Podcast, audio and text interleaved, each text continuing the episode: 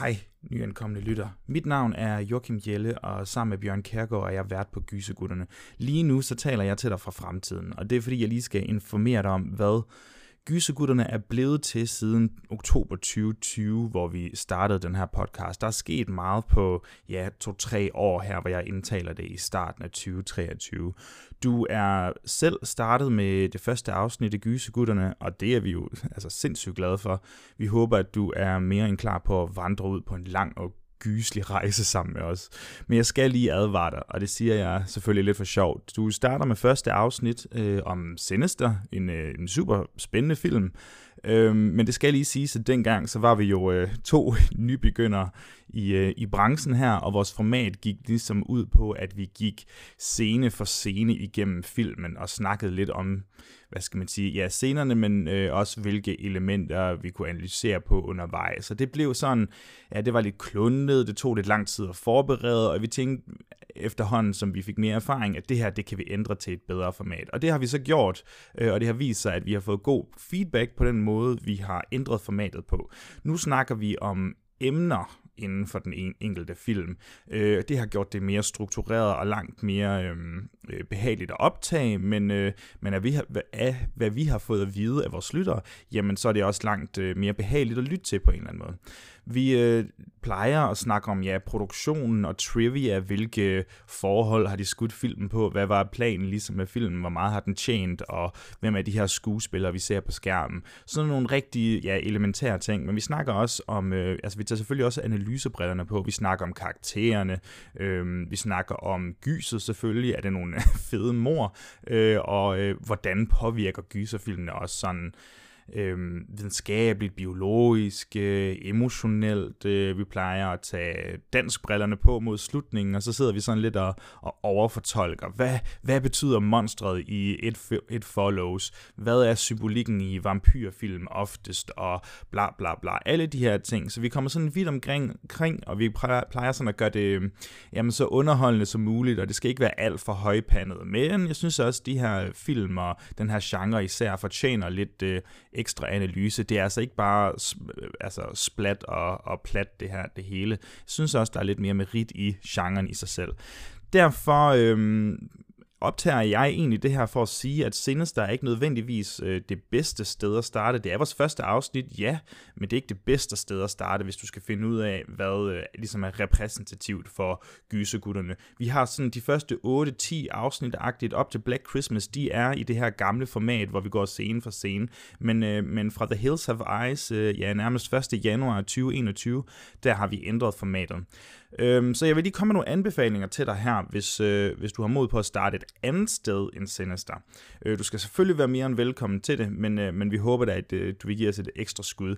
Du kan starte med Midsommer, Øh, et øh, rigtig populært afsnit, og også et afsnit, som, øh, som Bjørn og jeg fandt meget glæde i at optage. Det er en suveræn film, super underholdende film, og, og en, som mange har fundet glæde i. Vi har fået rigtig god feedback på den, så det er også derfor, at jeg øh, ligesom anbefaler den. Derudover har vi The Blair Witch Project, der har vi en, øh, en gæst, øh, ven af podcasten, Mikkel Abel på. Han er inde og dissekerer øh, found footage-genren, og en af de her mest skilsættende film nogensinde. Øh, derudover har vi snakket om M. Night Shyamalans øh, Signs sammen med Peter Skødt. Han kommer og snakker om sci-fi og religion og alienfilm, hvad de lige kan gøre for gysergenren. Øh, det er sådan de almindelige afsnit. Så har vi siden da, altså siden vi startede med Sinister, så har vi nogle nye, hvad skal man sige, sådan underformater. Vi har lavet forskellige top 5 afsnit, zombiefilm, aliens, vampyr, slasherfilm, og vi har også lavet om gysets mestre, som vi kalder det, hvor vi ligesom gennemgår store gyserikoners øh, filmografi, hele deres lange film film-CV. Vi har snakket om Mike Flanagan, et super populært afsnit, også øh, et, øh, der tog rigtig lang tid at, at forberede, og ikke mindst optage. Det er virkelig et mastodont afsnit på sådan tre timer, men man kan nærmest du ved, altså man, man kan tage en film ad gangen, hvis det er det, man vil, og så følge med derhjemme og se en film, og, og vi prøver ligesom at samle alle vores tanker og analyser, og hvilke tematikker plejer Mike Flanagan at tage sig af. Det, øh, det, det ja, giver vi os i kød med på sådan en, øh, en, øh, et vildt stort afsnit. Derudover så vil jeg egentlig bare sige tak, fordi du har båret over med den her lille bitte introduktion, som blev alt for lang i forhold til, hvad jeg regner med. Vi vil bare have, at du øh, skal have den bedste oplevelse sammen med os her på Gysergutterne, fordi så kan vi sammen forme hvad skal man sige, podcasten, og at skabe den bedste, også selvom det er den eneste gyserpodcast ude, men vi kan skabe den bedste sammen. Og det, øh, det er noget, noget, som Bjørn og jeg går meget op i, ligesom at kommunikere med vores lyttere og finde ud af, hvad vil I gerne høre, og hvordan kan vi udfordre os selv bedst. I er velkommen til at skrive til os på Facebook og Instagram. På Facebook hedder vi Gysegutterne Podcast, og på Instagram hedder vi Gysegutterne underscore. Her kan I komme med anbefalinger og sige, hey, jamen, øh, jeg vil da gerne have, at I snakker om Dawn of the Dead, den har I ikke snakket om endnu, hvordan kan det være? Øh, og så siger vi, hey, det lyder da super spændende. Lad os øh, skrive den på den uendeligt lange liste, og så måske prioritere den, fordi der er nogen af jer, der har et personligt forhold til den. Det er lidt vores plan. Jeg siger bare lige mange tak, fordi I gad at hænge på her. Øh, og have det godt med Sinister, hvis det er det, I vælger, og have det godt med et andet afsnit, hvis det er det, I vælger. God dag. Welcome to Fright Night. What an excellent day for an exorcism. Well, sometimes that is better. What's your favorite scary movie? Seven days. Don't forget. Don't forget. Why haven't you checked the children? Be my victim. Hiya, Georgie. They're coming to get you, Barbara. They're here.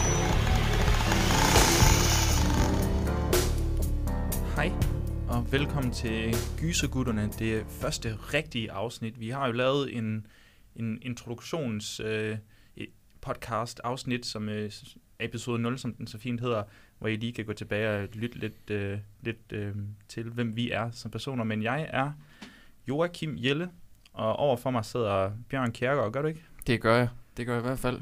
Ja. I dag skal vi, øh, der tager vi simpelthen fat i den, den første film, vi har tænkt os at, at snakke om. Det, det er en film, vi regner med, de fleste kender, og vi, vi håber lidt på, at, øh, hvad skal man sige, at, at, at folk øh, ligesom bider på krogen og tænker, den her, den har jeg hørt meget om, den vil jeg gerne øh, snakke lidt om. Og hvad, hvad er det for en film, det er, Bjørn? Jamen, det, det er jo lidt en speciel størrelse. Det er en amerikansk øh, overnaturlig gyserfilm fra 2012, øh, produceret af Blumhouse, som øh, det er en storspiller, når det kommer til lavbudgets øh, gyserfilm. Det er et produktionsselskab, som vi uden tvivl kommer til at stifte bekendtskab med Mm. igen. Øh, for de har godt nok lavet meget, øh, mange gode øh, film.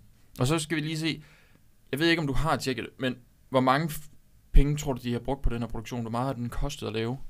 Jamen, øh, jeg, jeg, jeg tror, jeg har øh, set det for et stykke tid siden, Ja. øh, men, men i hvert fald, altså hvis det er Blumhouse, så er det vel sådan noget under 5 millioner eller sådan noget. Det er altid under 5 millioner med Blumhouse. Øh, de har brugt 3 millioner dollars, øh, og det er sådan omregnet, det, det er cirka 20 millioner kroner, de har brugt på den her film. Det synes jeg virkelig er imponerende. Ja. Hvor meget tror du så, at den har tjent til gengæld? Hvis du kan huske det, det er også fair nok. Jamen, jeg, jeg kan godt huske det, Mhm. mm-hmm. eller det, det, det tror jeg, jeg kan, indtil Ja. jeg svarer forkert lige Ja. lidt, men øh, 82 millioner dollars, to, ja, 82 millioner dollars, skal det, Det, det er- tæt på. Det er 87 millioner dollars. Altså, det er næsten 560 millioner kroner. Det synes jeg fandme er imponerende. det er rigtig flot. Det er virkelig flot. Så det er helt klart, det var en, det var en stor succes, må man mm. Mm. sige.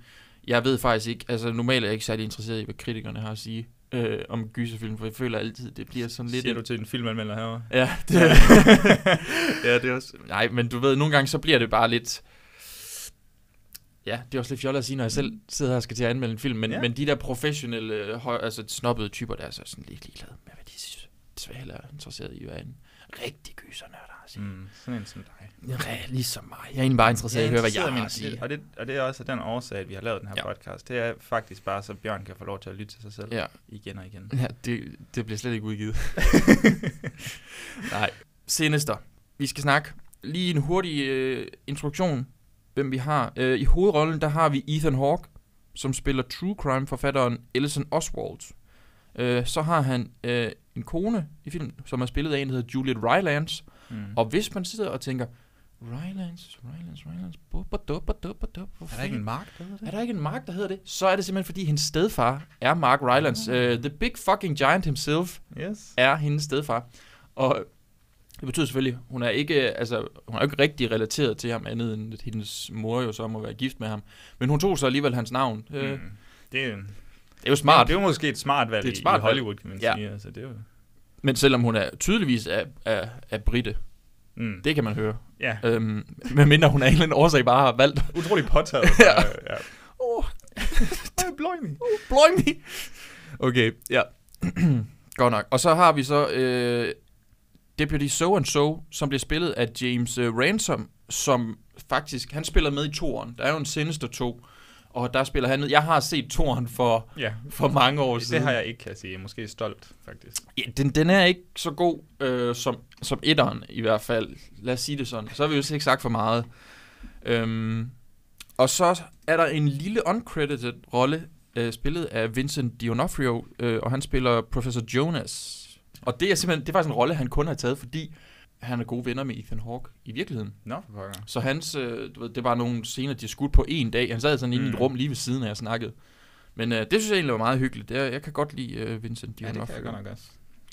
Filmen er instrueret af Scott Derrickson, og det er ikke hans første gyserfilm. Han har nemlig øh, tidligere instrueret den femte Hellraiser, Hellraiser Inferno. Ja, den kender vi alle sammen. Ja, Det er en klassiker. ja, jeg har sgu ikke set den. Jeg har heller ikke set den. Jeg ved det. Ja, det lyder fedt. Jeg vil faktisk gerne se Hellraiser-filmen, vil jeg sige, på et tidspunkt. Jeg har set ja, den det er første. Derudover så har han så også instrueret øh, den fremragende The Exorcism of Emily Rose, Nej, skal man ikke se det. den skal vi også se på et tidspunkt, så den er virkelig også god. Og så han instruerer bagefter, ved godt det, men bagefter øh, den her, der instruerer han også til en film, der hedder Deliver Us From Evil. Som jeg heller ikke har set. Så du heller ikke har set. Nej, nej, men som sagt, Den- jeg, jeg er ikke... Øh, eller hvis man lytter til episode øh, 0, så kan man Ja. godt høre, at øh, jeg er filmnørd, men måske ikke lige med, Ja. med speciale i dårlige gys. Ej, slap af. I Okay. gyserfilm. Nej. Nej, men den, de, jeg vil faktisk sige, de er virkelig gode, de film, han har, han har instrueret. Godt nok. Øh, derover så kan vi sige, ja, filmen den er så øh, skrevet af Scott Derrickson og en gut, der hedder Christopher Robert Cargill. Og det er så Cargill, der er selve manden med ideen til filmen. Han, han, er, han sagde på et tidspunkt, at han havde set The Ring, remaket det fra 2002, uh, The Ring, den havde han set, og så fik han et mareridt samme aften, hvor han drømte, at på hans loft, der fandt han nogle filmruller øh, med film af hans egen familie, der blev hængt i træ. Og Mm. det var simpelthen det, der, der ligesom udspillede sig til at blive Sinister, øhm, ja. Sinister-filmen. Og så kom Scott Derrickson ind og hjalp med at skrive. Nu tog han over. Så tog han også, så nu! Jeg tager, jeg tager dit traume, Ja, og så lukrerer jeg på det. nu kan jeg lige Ja. på det. Ja. Det er sådan, det er Hollywood jo. Det må man gerne. Det må man sgu gerne. Altså, jeg vil ønske, der er nogen, der gjorde det med mig. Alle dine traumer. Alle mine traumer. Fotografen, det er en, der hedder Christopher Knorr. Og jeg vil sige, han er et relativt uskrevet blad. Jeg har jeg er ikke. aldrig nogensinde Nej.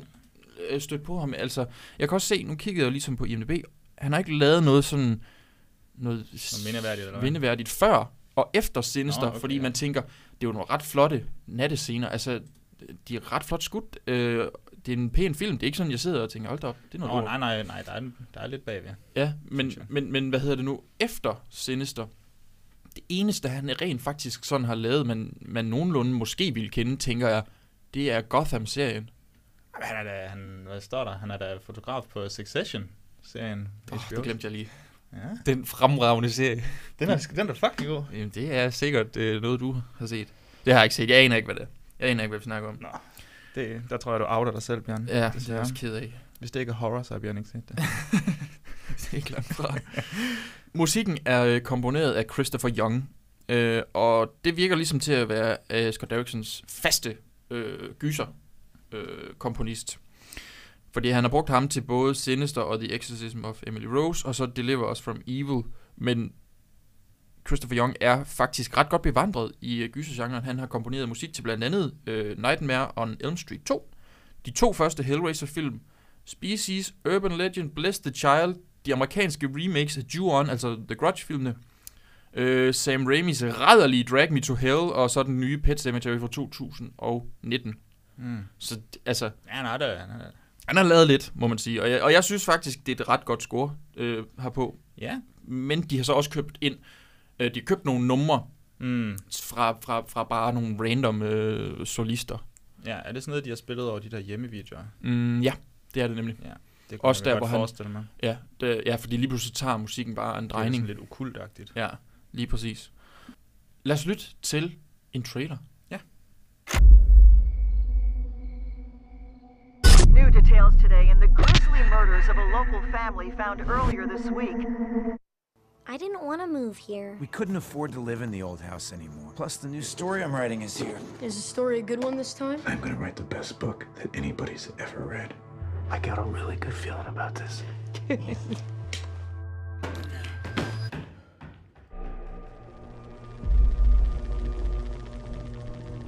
You gotta be kidding me. Family hanging out. Barbecue 79.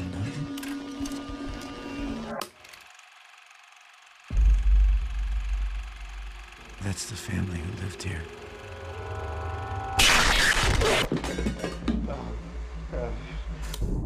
You think these are serial murders? I don't know. The First one I found dates back to the 60s. The only link between all these cases is the symbol. The symbol is associated with a pagan deity named Bagul. He consumes the souls of human children. I have never been onto something this big before. Early Christians believed that Bagul actually lived in the images themselves and that they were gateways into his realm. Children exposed to the images were especially vulnerable to Bagul's abduction. Sweetheart, what are you doing? Painting. I wanted to paint her picture. Who are you talking about? Stephanie. She used to live here.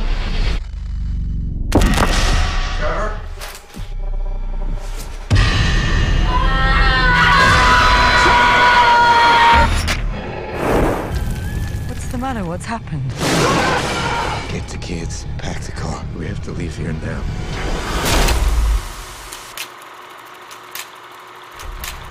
Okay.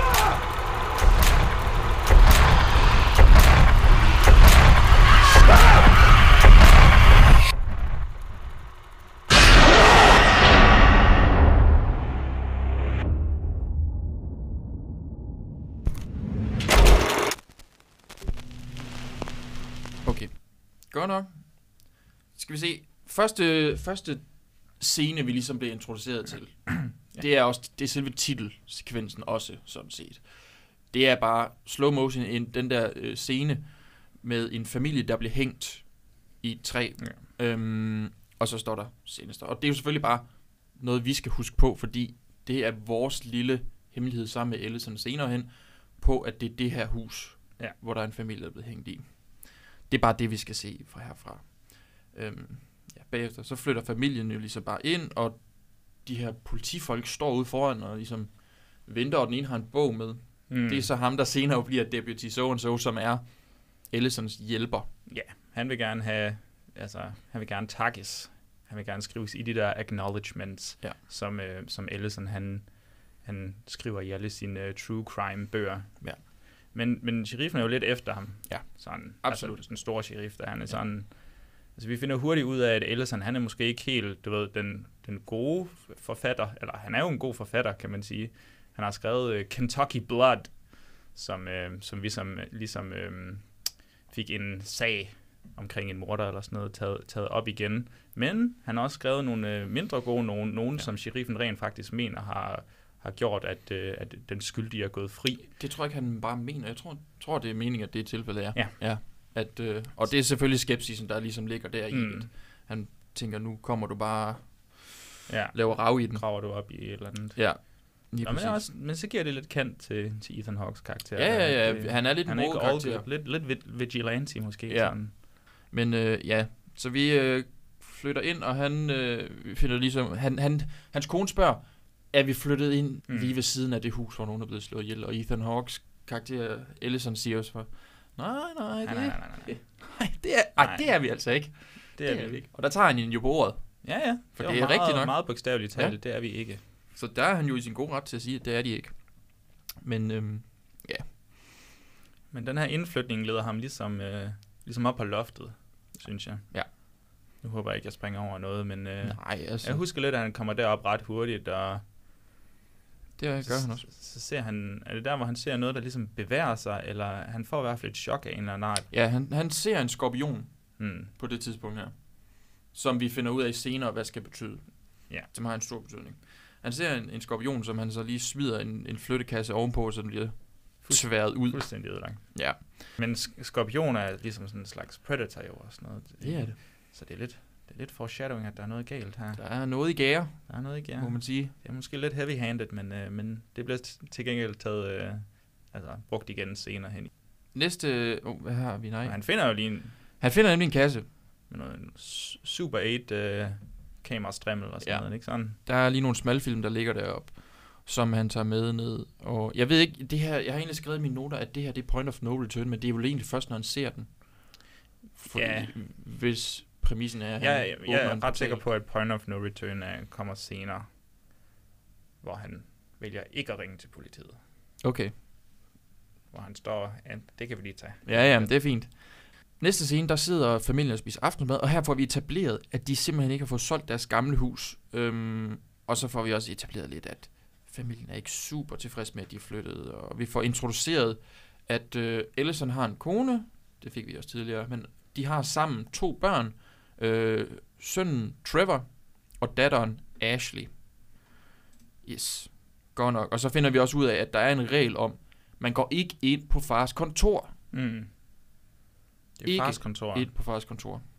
Ja. Han ser nogle, nogle mærkelige ting og læser nogle mærkelige ting. Ja, og igen, den scene er skudt med meget lidt lys.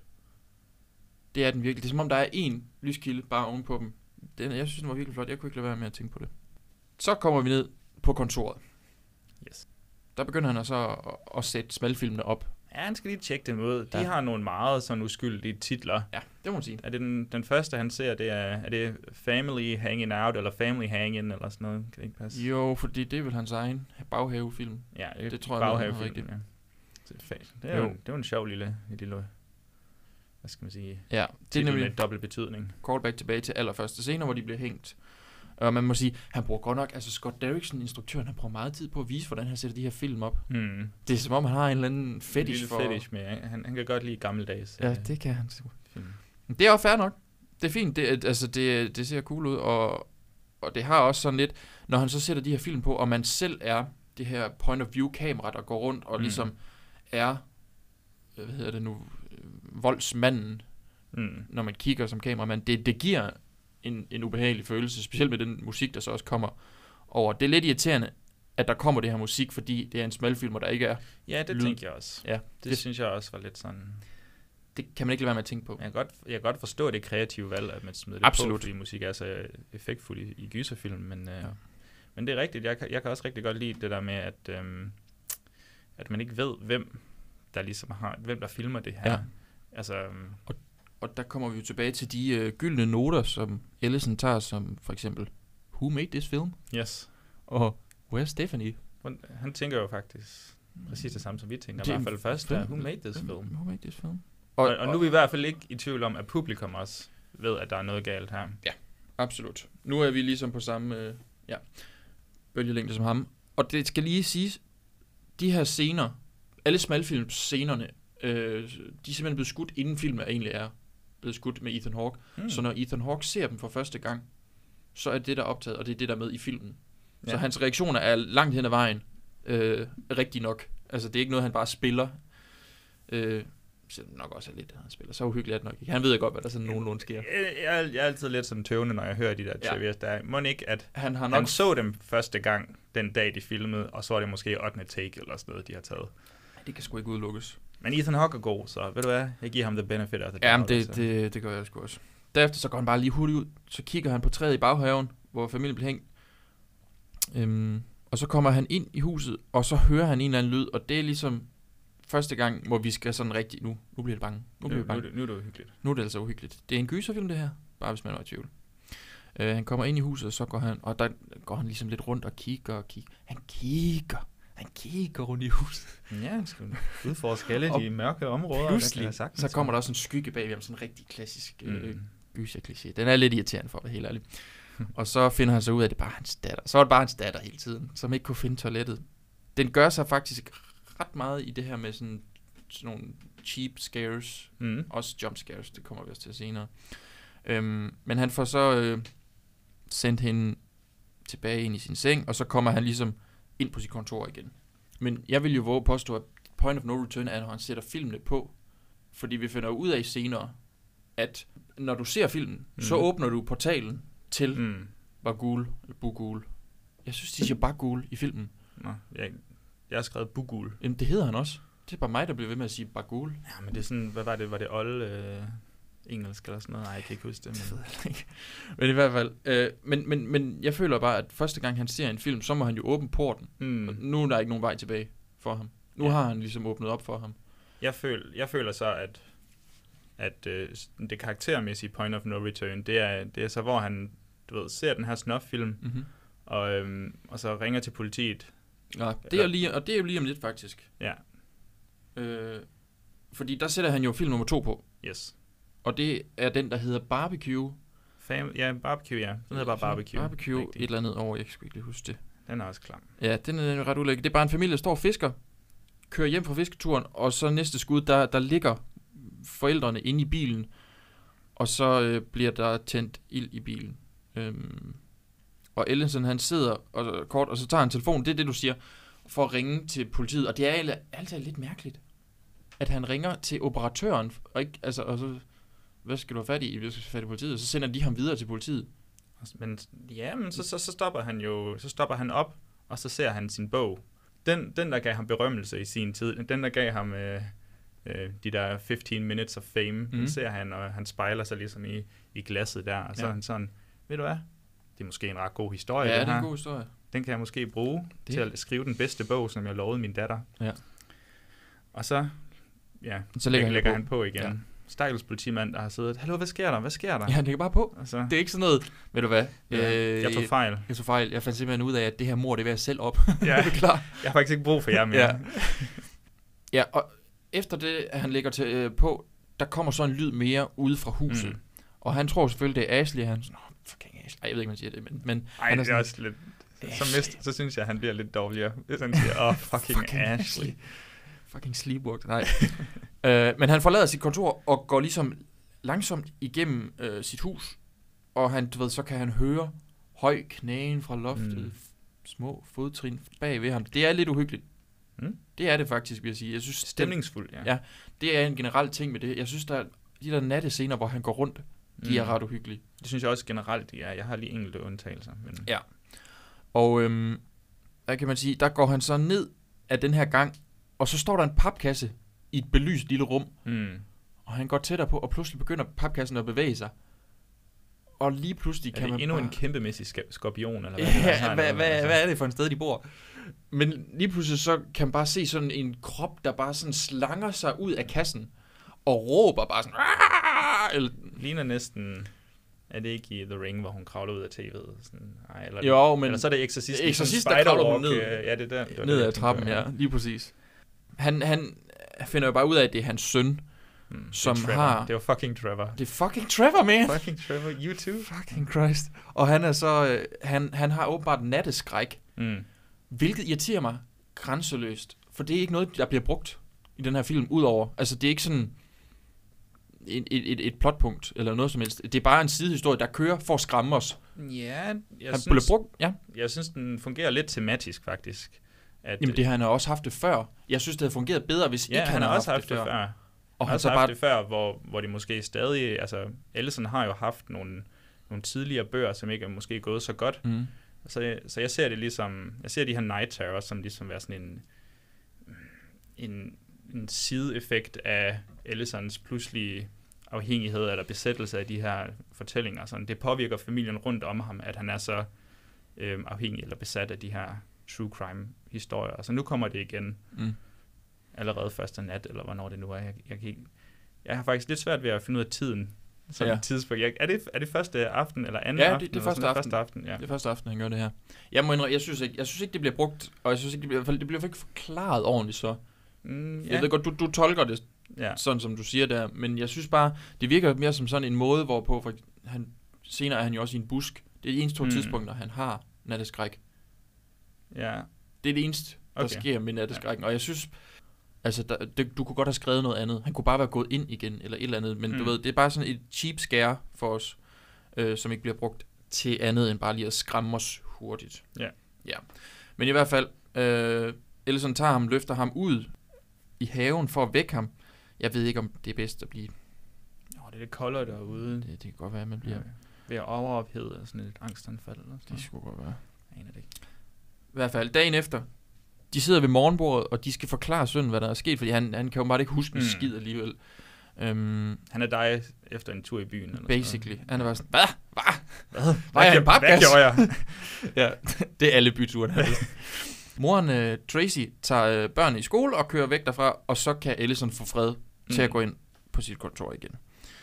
Øhm, Han, han sidder jo meget flot foran træet. Ja. Træet ligesom er i baggrunden. Ja, ja, ja, ja. Det, det Der er- lu- loomer lidt i, i baghovedet Ja, der måske. det Jeg synes, den. det var ret fint. jamen, det, og igen, Lidt mere subtilt. Scott Derrickson, han Mm. kan sit håndværk. Det Ja, men man der er et eller andet der. Så går han ind på sit kontor og ser den film, der hedder Pool Party. Mm. Øhm, og det, igen, det er bare en, det er en familie, der hygger sig i det første par klip. De har det dejligt. Da, da, da, da, da. Så klippes der til om aftenen, hvor det første, vi faktisk ser, det er sådan en grøn potion. øh, For, der er sådan en limonadeglas med sådan noget lysegrøn stof i. Mm. Det kommer tilbage senere nemlig. Det lagde jeg først mærke til i... Okay, nå, men det tror jeg ikke, jeg har. Nej, det var også først i fjerde forsøg, jeg så, at der var det. Men det, Mm. er, det finder vi ud af senere, fordi de sidder og drikker øh, limonade i løbet af dagen. Ja. Og så om aftenen, så kan du se, at det der, det er bare, øh, hvad hedder det nu, det lyser op, det lyser op i grønt. Øhm, og det vi ser er, øh, da det er blevet mørkt, jeg tror det er fire solsenge, der ligger Ja. siden af, og øh, hvad hedder det nu, poolen, og så bliver de med en snor trukket ned i vandet. Og Jeg bliver nødt til at spørge, har Ja. du noget trivia omkring det? Har, har du tjekket, hvordan de har filmet det? de Fordi- filmet rigtigt. For, ja, fordi jeg tænker, hold kæft, hvor må det være svært. Mm-hmm. Altså, Det var det også. for jeg synes, de der fødder der, de bevæger sig, så det er jo ikke, fordi det er bare dukker eller sådan Det er- noget. Så det folk er- er jo kommet ned, og præcis. det er jo ret rimelig sindssygt farligt. Ja, og det sådan det. derned. Jeg tænker, personen, der skulle stå for forsikringerne eller sådan noget til den her film, Ja. han har bare siddet og klædet sig for Ja. Og, og det, det fik jeg faktisk ikke nævnt på det tidspunkt. De havde jo faktisk en uh, stuntkoordinator, som blev fyret, da de skulle øh, filme en scene, hvor de blev hængt i træet, fordi en af dem, han var ikke blevet, han var ikke sat ordentligt fast, så han blev øh, kvalt rigtigt. Altså han døde ikke af det, men han, var, oh, altså, men han blev kvalt, og så fyrede de bare ham der. Ja, det, det er altså en fed historie. Det er måske fair nok. Det, det, virker som, det virker ikke som overreaktion, vil sige. Hvis, Nej, det, det er egentlig... Der er nok ikke nogen, der lige tænker, ned i poolen, siger du? Ham der, han skal ikke styre det, det er helt sikkert. Nej, men det er rigtig folk, der ligesom, øh, der, der ligger på, og jeg mener, de sagde, at de havde nogle små iltmasker dernede, de mm. Kunne, kunne give dem ild Ja, igennem. Der kom også et, jeg synes, der kom et jump cut undervejs i Ja. den, hvor man var sådan, ja, jeg kan godt forstå, vi, Og- vi lige laver et jump cut her, så, hvor de så, du ved, meget, føler jeg præcist, filmer væk fra dem, der allerede er trukket ned. Og, og det Så- er jo sådan lidt, jeg, jeg, jeg, jeg kunne, ikke, kunne ikke lade være med at tænke på det der med sådan, Bagul, han er også lidt sådan en sjov type, som Mm. sidder og klipper film, Ja, ja. og lægger dem op på folks loft. Det er sådan teknisk stærk. teknisk stærk. Han har lige haft det der kursus der. Mm. Han er fuldt godt med i Han har medierne. set sin slasherfilm. Jamen, det har han. Der bliver øh, panoreret over i poolen, øh, hvor der står en mørk skikkelse dernede, Mm. som viser sig at være øh, Bogul. Ja. Og vaskeægte The Office Jim Halbert-style, så vender han lige hovedet og kigger direkte ind i kameraet. Ja. Det kan jeg faktisk godt lide. ja det ved jeg ikke, og det, og det er lidt, det er lidt creepy. Ej, men hvis man ser det som en portal til, til virkeligheden, så er det da meget godt, at han kigger ud på os. Ja. Eller Ethan kigger Hawke, lige på altså. os, Ethan Hawke. Ja, Ethan Hawke, han øh, stopper billedet. Altså, han stopper filmen. Mm. Det er mit indtryk, det kan man altså ikke. Uden det brænder. Men hvad, Og det gør det også lige bagefter, men jeg troede, det gjorde det lige med det samme. Jeg troede simpelthen ikke, du kunne stoppe en Nå, smalfilm på den har måde der. ikke, det har jeg ikke så godt styr på. Det har jeg heller ikke. Nej, Det er derfor, jeg tror. vi lader som om. Du kunne bare sagt, nej, det kan man heller ikke, du. Det kan man heller ikke, altså. Det er så rigtig nok, filmen den, den brænder, og, mm. Og her beslutter Ellison sig for at blive smalfilmsklipper. Ja. Begynder lige at google sig frem til det. Og så har han åbenbart også værktøjerne ja. til at klippe smalfilm. Det er ret heldigt. Ja, Det kan godt være, det lå i kassen. Det kan også godt være, selvfølgelig. Det skal jeg ikke kunne sige. bare gul, han lige. Han er en god. Ligger han sgu lige noget. Sikkerheds... Klippeværktøj med ned. foranstaltninger. Ja, det er sgu god stil. Mens han sidder og klipper, kan han, øh, kan han høre et ordentligt på styr. Og det er sjovt, det føles ikke som om, der er gået mere end kvarter Mm. for ham. Men der kommer hans familie allerede tilbage, og, og konen og øh, den ældste søn, Trevor, er op og skinnes på det her tidspunkt. Faktisk den eneste søn.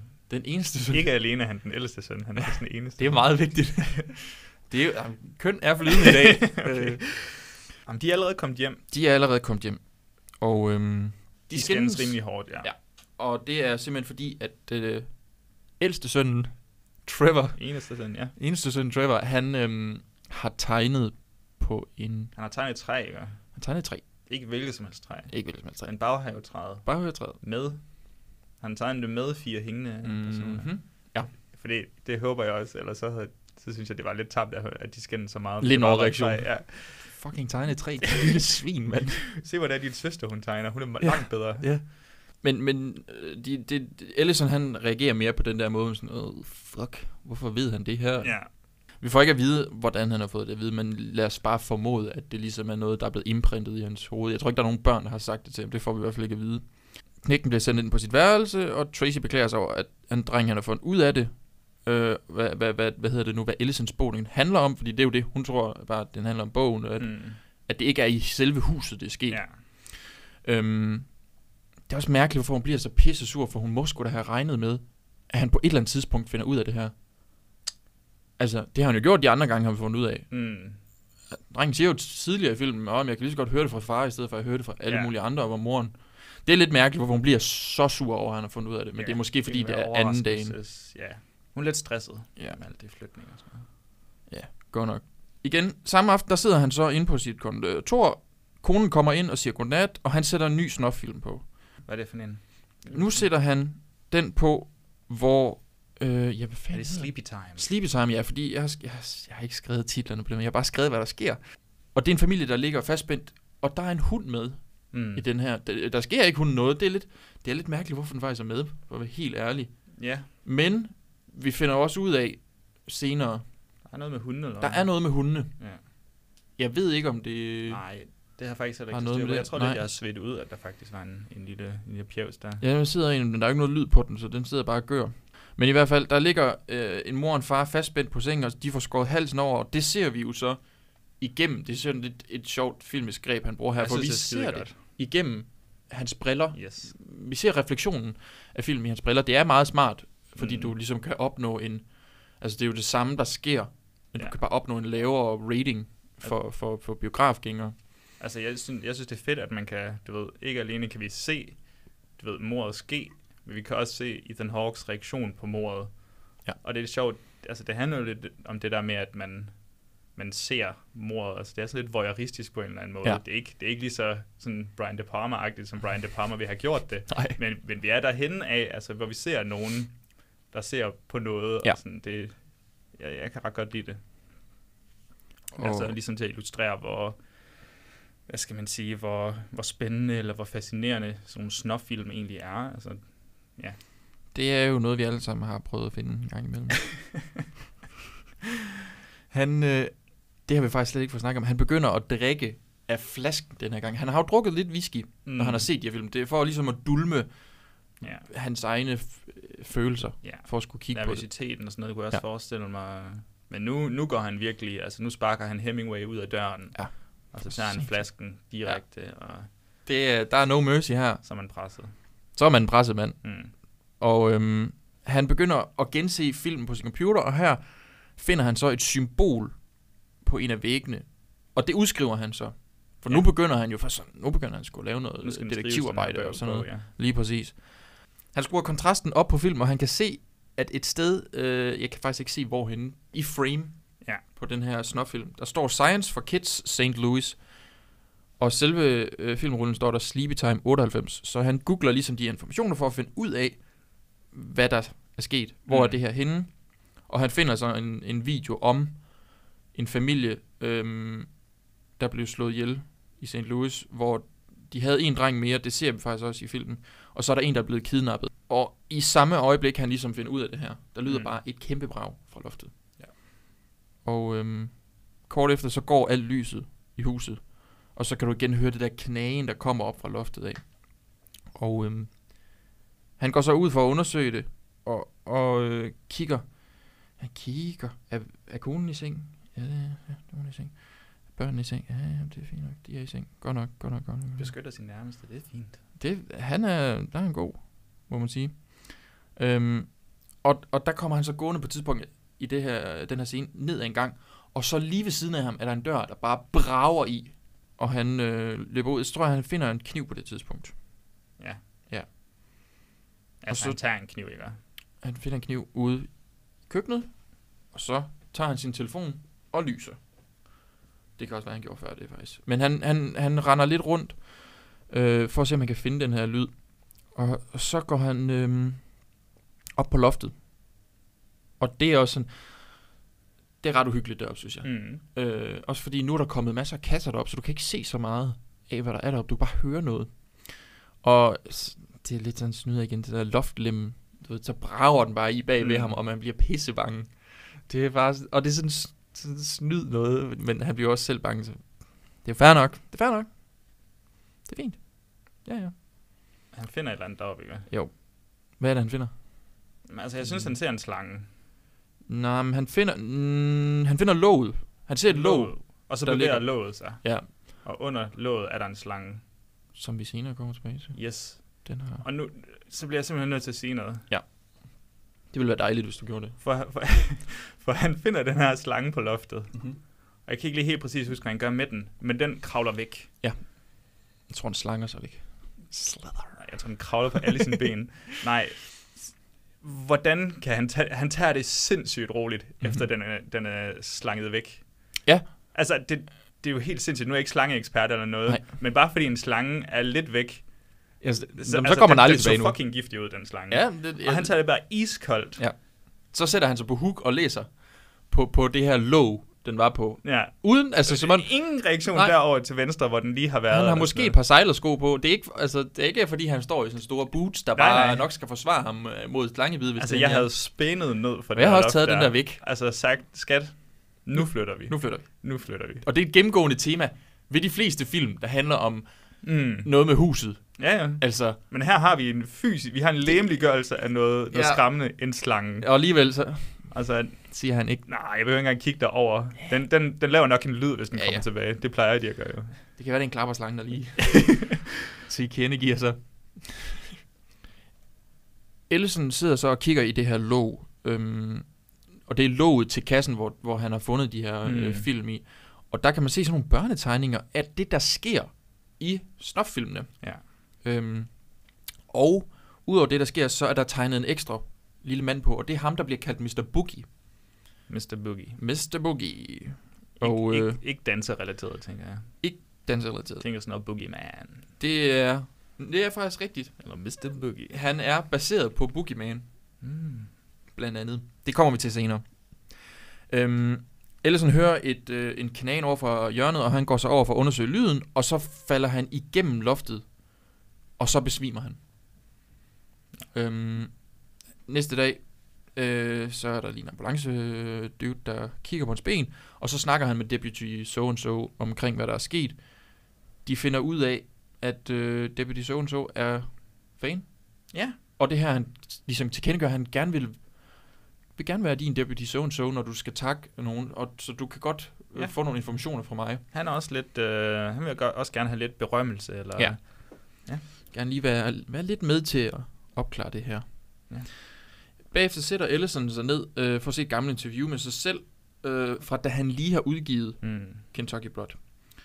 Og i interviewet, der joker han så ligesom øh, med, at han, han skrev bogen for Fame and Money, og så griner han lidt sådan, ha ha ha ha, ha som om at, Ja, der har jeg det, også skrevet. det var selvfølgelig bare en Jeg har joke. skrevet, hehehe. Hehehe. Skrevet quote, fame and money. Ja. Det skal lige udpensles lidt til publikum nu, hvad han egentlig er motiveret af. Ja, Men nej, han siger lige han bagefter. siger lige bagefter, at, ja. øh, at det er retfærdighed, det er justice, Ja. der, der, der motiverer ham. Ja. Og det er ligesom det her, der sådan senere hen kommer til at være den her konflikterende følelse mellem ja, retfærdighed, men også måske mere berømmelse og Mm. mm. penge, og det kan man også mærke i familien, især i nogle øh, skænderier med konen. Helt sikkert. Og lige da han siger det her, der kan man se, Mm. der kigger han ned i afsky sådan Ja. for sig selv. Ja. Kæft, jeg er ulækker. Men den hænger over ham. Det hænger, den her drøm om den nye bestseller, Ja. ja. den hænger over ham som sådan en uh, sådan Will of the Wisp, sådan en, der lokker ham næsten Ja. ja. ud i fordærv eller sådan noget. Ja. Ja. Men, uh, Bagefter ser vi øh, datteren Ashley og moren stå i køkkenet, og øh, de laver kaffe til faren, hvilket er vigtigt senere, øh, hvor moren ligesom fortæller, at den skal laves helt rigtigt. mm, Far, han skal have sin kaffe. gotta be that good shit. Altså, det, sådan kan jeg også med min egen far. Mm. Den skal fandme laves rigtigt. Ellers, så er der fandme øh, problemer, det kan jeg godt sige dig. Så hun lærer ligesom at lave hans kaffe rigtigt. Mm. Øhm, og hun går ind og siger, her far, tag kaffen, og hun siger tak, og så lukker han bare døren. Ja. står hun der. That's working. That's working. Sådan er det. Og så begynder han at, øh, hvad hedder det nu?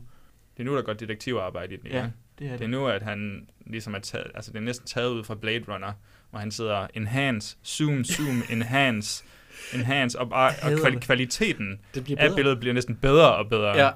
Og, og den eneste sådan undskyldning, jeg kan finde for det, det er, at, at Mr. Mr. Boogie, he, altså han, han skal se godt ud. Ja. Han, han har så meget magt i det her film, at han, hans ansigt er bare 1080p. Ligegyldigt, hvor meget du zoomer ind. Fuldstændig. 1080. 1080. Han er HD. Og så ringer, øh, men David Soen så ringer og fortæller om de der facts, og nu ved vi ligesom noget mere omkring, hvorhen folk har boet, og vi finder så også ud af, det hus, mm. den ene familie har boet i, det er den anden blevet dræbt i, så det er ligesom det der med, de er flyttet fra det hus, og så er den næste flyttet ind, og de er så blevet dræbt der. Øhm, det, som er noget, der kommer tilbage senere. Og øhm, mens han sidder og snakker i telefon, der er det der, hvor du siger, Baguls utrolige HD-hoved, det Ja. lige, vender sig lige og kigger på det, ham det synes jeg jo nemlig var effektivt nok, faktisk. Ja. Det kunne jeg godt lide. Jeg kan bedre lide sådan noget, nogle små ting. Ja. Der. De der, der er i baggrunden, Ja. man selv lige... Hvor Øh, man selv lige skal holde lidt øje og sådan noget. Lige det synes jeg er fint nok. Ellison, han begynder så at kigge på den video, han tog øh, i går, fordi han filmede jo den der bagsiden af låget Ja. ja. med disse her små tegninger, børnetegningerne. Og lidt, da han kommer senere i klippet, der kan han se, at der, hvor han ryger igennem loftet, der er der som om, der er en masse små børnehænder, der skubber ham ned, Mm. eller hiver ham ned igennem loftet. Det bliver han jo selvfølgelig lidt forstyrret over. Forståeligt nok. Altså, Det vil jeg er nok også lidt- synes var mærkeligt. Lidt skræmmende. Om natten ligger han og sover. Han hører så, projektoren den, den øh, kører inde på hans øh, kontor. Og han tror selvfølgelig ved det samme, at, øh, Men det er bare en lille, ikke? Altså, at det, no, det må være nogle af hans unger, der har sat den i gang. Men han tager så det der øh, billede, han har udskrevet på et tidspunkt af familien, der blev hængt Mm. ude i hans baghave, hvor han kan se, Bagul står derude. Så står han ligesom og, og, og måler det op, og så flytter han lige billedet ned fra det rigtige, og så står Bagul derude, og så får man jo et kæmpe chok. Ja, det var det uhyggeligt. Det var ret uhyggeligt. Også lidt en snyder igen. Ikke? De der Mm. jumpscares, hvor det var sådan... Hvis ikke der havde været sådan en høj lyd, så ved jeg ikke, hvordan jeg havde reageret. Nej, det er selvfølgelig rigtigt, men det, men det er sådan lidt sådan en... det føles, nogle gange så føles det lidt mere som sådan en Jack in the Box jumpscare, i stedet for bare sådan en hopper ud, ud af det blå. Ja, Ja. Nogle gange så synes jeg, det, det- som de om man kommer. lige har skruet i den der Jack in the Box, så man, sådan, man ved godt, der kommer noget, Ja. og så kommer det, i stedet for det er bare sådan nogle ud af det blå. Ja. Det er virkelig dem Ja, der han- ud af det blå, jeg de- hader. Ja, det er også, det, du skal opbygge noget, du skal fortjene dit Mm. jumpscare på en eller anden måde. Du Ja. skal ligesom opbygge det. Ellison finder et uh, baseballbat og går ud i haven Ja. med en lommelygte. Og øh, der ser han så sin søn sidde i en busk, og det er sådan lidt uhyggeligt, at hans ja. Lille hoved bare øh, er i, i busken. Øh, og han har så fået endnu et, øh, natte, na, endnu et natteskræksanfald. Ja. Øhm, Ellison bærer ham ind, og så går han ud igen for at få sin, øh, sit bat og alt det der. Og øhm, der må jeg indrømme, at øh, der synes jeg jo igen, det er lidt irriterende, fordi øh, altså, det er bare med ham drengen der. der er, det. Ja. det, det, har jo ikke nogen, det har jo ikke nogen betydning ellers. Nej, altså, men, han, det er jo bare hævet ind. Ja, Nå, men det, altså, jeg kan godt forstå det, men jeg, jeg, jeg synes stadigvæk, at, at det fungerer ret fint Ja. i forhold til, til Ellisons besæt, besættelse af, af det her mysterie og Ja. de her mor, at det er ligesom som et symbol på, at det, at det påvirker familien. Ja. Det, ja, Jamen, jeg synes kommer bare, det også havde en kæmpe bedre, hvis diskussion. det så havde været hver gang, han havde været rigtig tæt på, eller sådan noget. Fordi. Mm. lige nu, der kommer det jo kun to gange. Og kommer det, to gange, og så har han lavet det der træ, der Ja. tegnet der træ i skolen, Ja. som er også sådan lidt påvirket. Det. Ja, ja. Alright, fint. Nej, altså, du Vi, behøver øh, ikke være overbevist. Nej, men det er også, øh, det er jeg heller ikke. nej. Så bare roligt.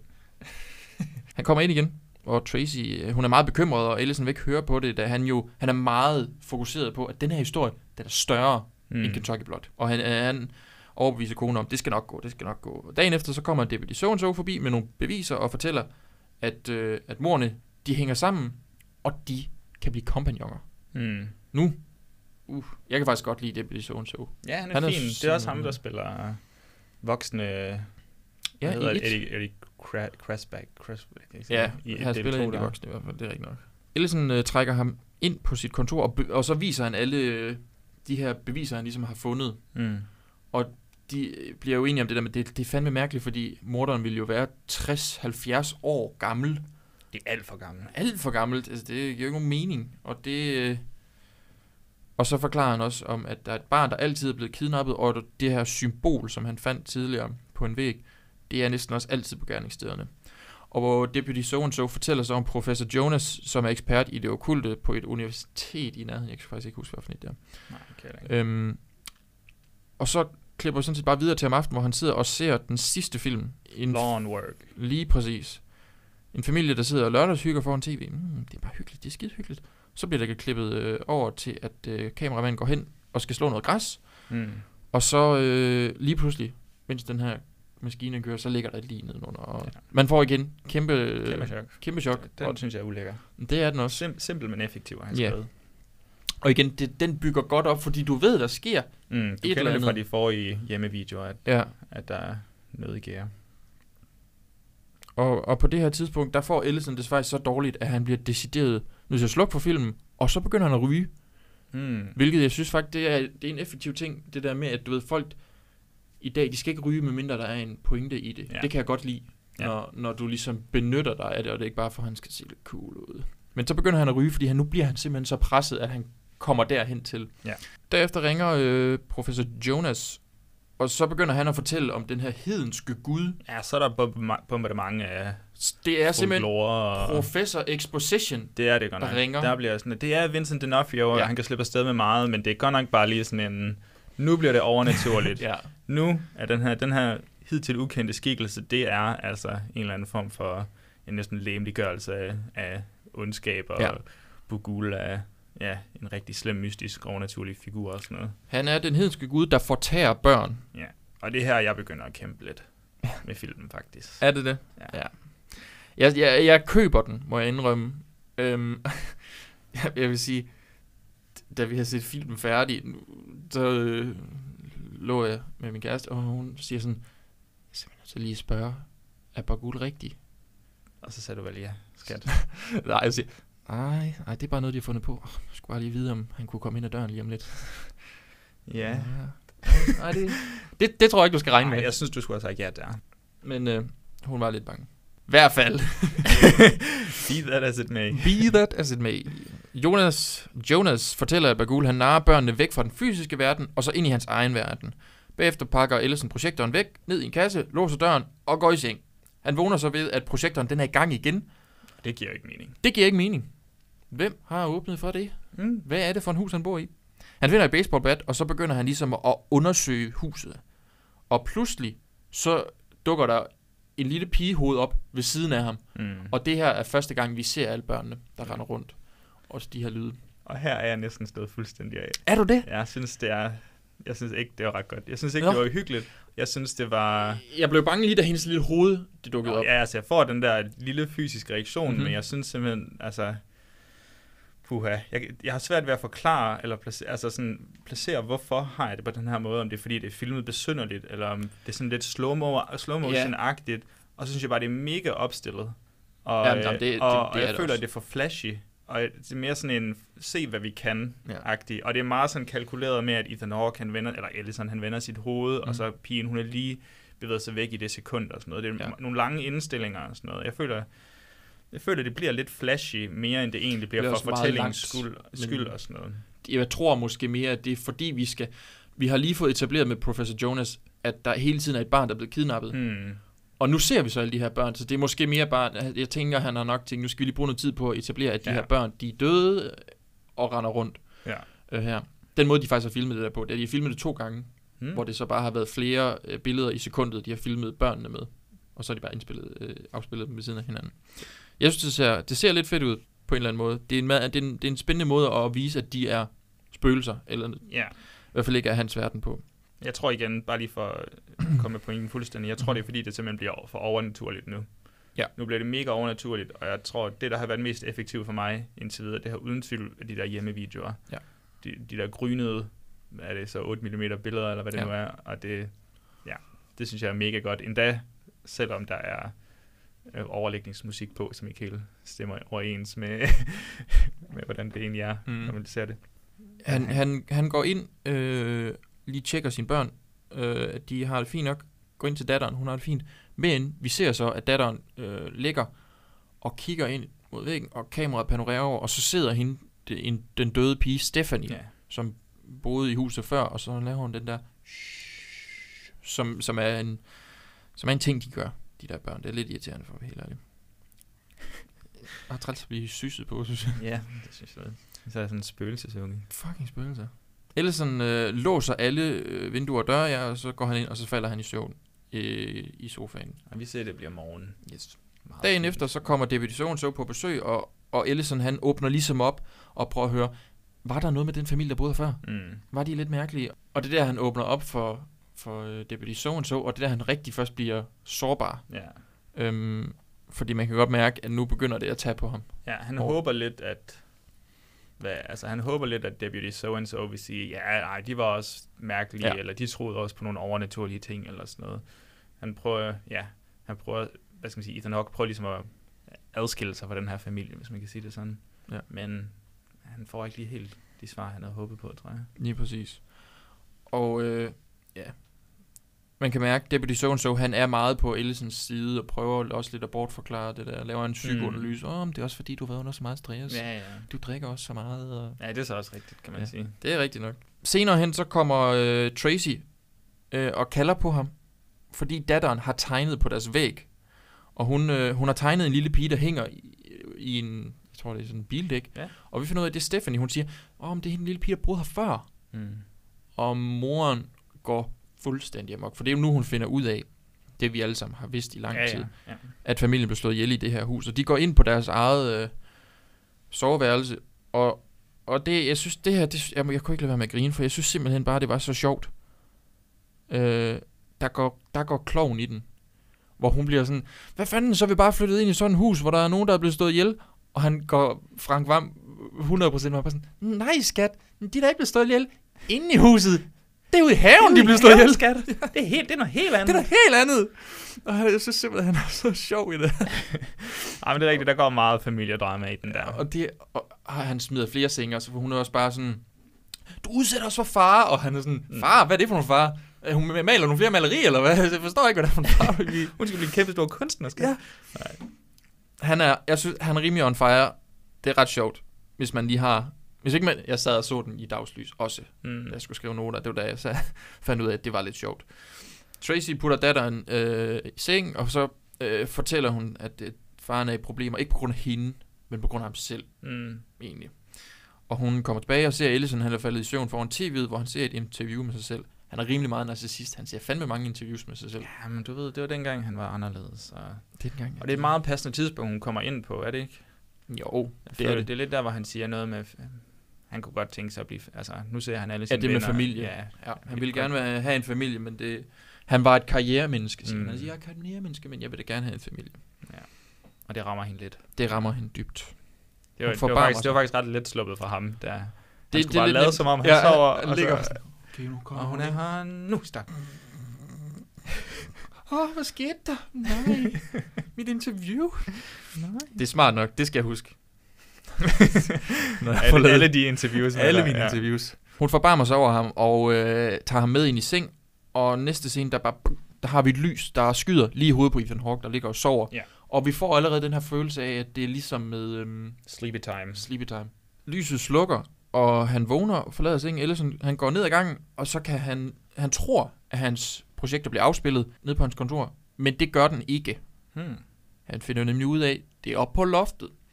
Og han går så hen øhm, i en form for trance, jeg kan huske, der er sådan et eller andet, han, han har det lidt mærkeligt på det her tidspunkt, mm. Hvor han går derhen, kravler op ad lofttrappen, og ser de døde børn, der sidder og ser en øh, film på projektoren, Mm.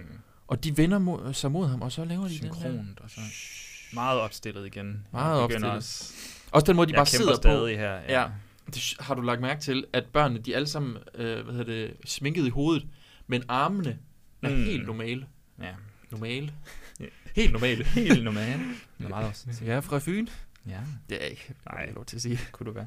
Kunne Men ja, det er meget opstillet, og jeg kan ikke engang huske, hvad det er, de ser. De ser bare en film af en gang, og lige pludselig så kommer Bagulio gående hen Mm. den her gang, og så i samme øjeblik, som han kommer ret tæt på kameraet, så kommer Bagul i et kæmpe jumpscare, bare lige hen foran hovedet, bare sådan! Ja. og så vælter Ethan Hawke ned af trappen. Nej, det ser fandme ud til at gøre ondt. og det ser jævnt øh, Ja. ja. smertefuldt ud. Og så det hul, han er faldet igennem tidligere, Mm. der bliver hans, øh, der bliver projektoren og filmen bare tyret ned igennem. Ja. Det er meget mærkeligt, at der ikke er nogen, der vågner ved det her. Ingen kommer og hjælper ham. Ja. Og der må jeg indrømme, jeg blev faktisk, jeg havde set filmen før jo, og jeg blev stadigvæk ret bange for det her. Altså, jeg synes, det var lidt, det var lidt creepy, det der med, for jeg vidste ikke, hvad der ville ske. Mm. Han ligger bare dernede og er helt sårbar. Altså, men i hvert fald. Han tager øh, projektoren og filmene og går ud og brænder det på grillen. Og øh, konen kommer ud og spørger, hvad, hvad, hvad Ja. fanden sker der? Nu har han besluttet sig. Ja. Og øh, de forlader stedet med det samme. Yes. Der er no mercy her. Nu, nu Ikke har han mere- set ikke mere nok. pis. Ja. Jeg har, jeg har testet det her nok. Ja. Det, det er jo om end et af de få logiske valg fra, eller om muligt, et af de få logiske valg fra, fra Ellison. Ja. Nu, nu skrider vi sgu. Og der kan man sige, at det her det er udvikling i hans karakter, hvor han går fra at være Mm. mm. den selviske til at han vil sige, okay, fint, vi går tilbage, sådan som vi gerne vil have det. Hvad jeg vil have, det skulle ligegyldigt nu. Nu har jeg ligesom indset, at det er ikke ja. Det vigtigste. Og øhm, de kører og bliver stoppet af sheriffen, og han er ret tilfreds med, at han smutter nu. Hmm. Den er faktisk lidt sød der. Der er han faktisk Sådan sådan lidt, og han, så bliver han sådan, er der nogen, der har mobbet dig? Nej. Vis på Åh. dukken, hvor de har rørt dig. Ja, ja. jeg troede faktisk, at han på det, var, var genuinely interesseret, men så var det mere bare sådan, du skal ikke skrive din bog, vi har mobbet dig ud af byen. ja. Og så var det det, handlede om. Han flytter ind i det gamle hus, som vi fandt ud af, at de selvfølgelig stadigvæk øh, ejede, og hele den dag, der øh, forsøger Deputy So and So at ringe til Ellison, men han tager den ikke. Det som om, han, han er videre. Han er videre. It's over. Ja.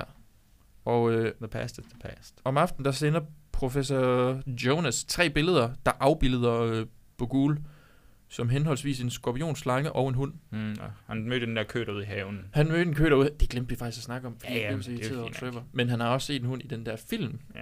Vi ved ikke, om jeg det håber, det er nummer to hund. Jeg håber, det er den store hund ude i haven, Mhm. der er en lægemliggørelse af Bugul, og ikke, ikke den lille chihuahua pjevs tæppetisser, der sidder ved sengen der. Nej, det vil være antiklimatisk.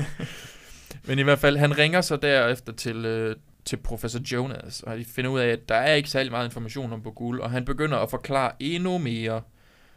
At, og det der, han siger med, at han brugte øh, afbildninger mm. af ham som porte til at komme ind i din verden, og det er derfor, det var svært at finde nogle ting på ham. Og det går selvfølgelig op for Ethan Hawke, eller for Ellison på det tidspunkt, at øh, han har da vist måske kommet til at Ja. vise nogle billeder, nogle levende billeder af ham, og åbne Og- måske en port. Betyder det noget? Kunne det, kunne det, det have konsekvens? Men, øh, og så spørger han så, hvad, hvad sker der, hvis nu man, øh, hvis nu man sletter lige har ting hvad sker der så? Jamen, øh, de, de siger i hvert fald, at det skulle, det skulle øh, fjerne porten, og han sletter så alle snoffilmene, som han har optaget øh, fra sin computer, Mm. sådan så portalen ikke er i nærheden af ham længere. Derefter går han op på loftet, og så finder han så kassen med snoffilm igen. Den er simpelthen fu- fundet Mm. vej til hans nye øh, hu- hus, hans gamle hus. Og han bliver rasende, og han vinder kassen om, og så finder han jo en lille kasse, ikke kasse, en lille brev, hvor der står Extended Cut Index. Og det er jo altid fedt. Mm. I se, hvad sker der så? Director's cut, ja. Og så går der bare øh, Walter Murdoch i den igen. det hedder godt. Klipper. Der går i hvert fald klipper i ham, og han begynder at klippe øh, filmene sammen for at se, Mm. hvad det her er for nogle extended Men han håber jo på The endings. Snyder Cut. Ja, ja. Han, han var jo sikker på vi ikke alle det? Han var jo sikker på, at det var The Snyder Cut, Ja, der ja, var ja. der Justice League. Ja. Det er jo det. Han, han har set Blade Runner i sine forskellige versioner, og tænkt, det må være noget af det samme. Ja. Og samtidig så ringer øh, Deputy Sorensen og fortæller, at forbindelsen mellem alle familie, familiemorerne er, at de alle sammen har boet i det hus, hvor den tidligere familie er blevet dræbt. Det vil sige, at, at Ellison nu så har lagt sig selv ind i den her timeline, fordi han er flyttet fra det hus. Mm. Og dermed dømt til døden. Ja. Dun, dun, dun. det kunne jeg bare lægge en effekt ind hvis jeg ville i stedet for at sige det selv. Det kan være, vi skal have sådan en. Overdramatisk. Ja. Øh, Ellison ser de forlængede slutninger øh, på filmen, og det viser sig ligesom, at de forsvundne børn, det er dem, der har dræbt familierne. Noget man måske godt lidt... Det ved jeg ikke. Ha- Havde man den der? Det kan jeg ikke huske, hvornår det gik op for mig. Jeg føler lidt, at... Man Det ved jeg sgu heller ikke. Men i hvert fald, en af videoerne, du ser, det er jo igen den her party, øh, poolparty video, og det er den her grønne væske, mm. som er over i, som vi har fået etableret. Den er grøn, Øhm. fordi den er giftig, ikke? Den er giftig. øh, det er ikke bare sådan en eller anden lækker punch. som, Nej, men det er bare, det virker, det er sådan meget tydeligt, at det er giftigt. Ja, det er- Det er neongrønt, det er- altså, det... det, det ligner alt lidt sådan noget besvimer, hvis du- farver. ja. altså, det, ligner, det ligner maling lidt, sådan Ja. noget med, med glimmer i sig. Og øhm, han, han øh, begynder at få det mærkeligt, og så går han over og kigger i sin kaffekop, som han har fået, hvor der står en lille seddel, og sådan, åh, to daddy. Øhm, jeg formoder, det er datteren, der har lavet den kaffekop, og ikke øh, moren, Hmm. der bare er Til daddy. lummer. Your coffee daddy. Take coffee to my daddy.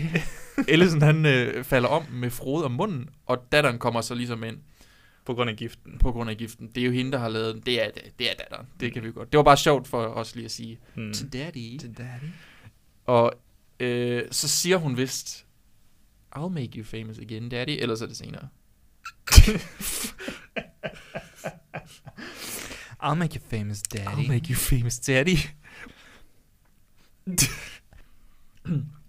Ellison vågner foran øh, sin pejs med gaffa i munden, og hans kone er også bundet over på den anden side af lokalet. Kort efter kommer datteren ind med en økse og et smalfilmskamera, og så filmer hun, ligesom, så vi ved godt, nu er det hende, Hmm. der ligesom er blevet taget af Bagol, manipuleret, om nogen vil.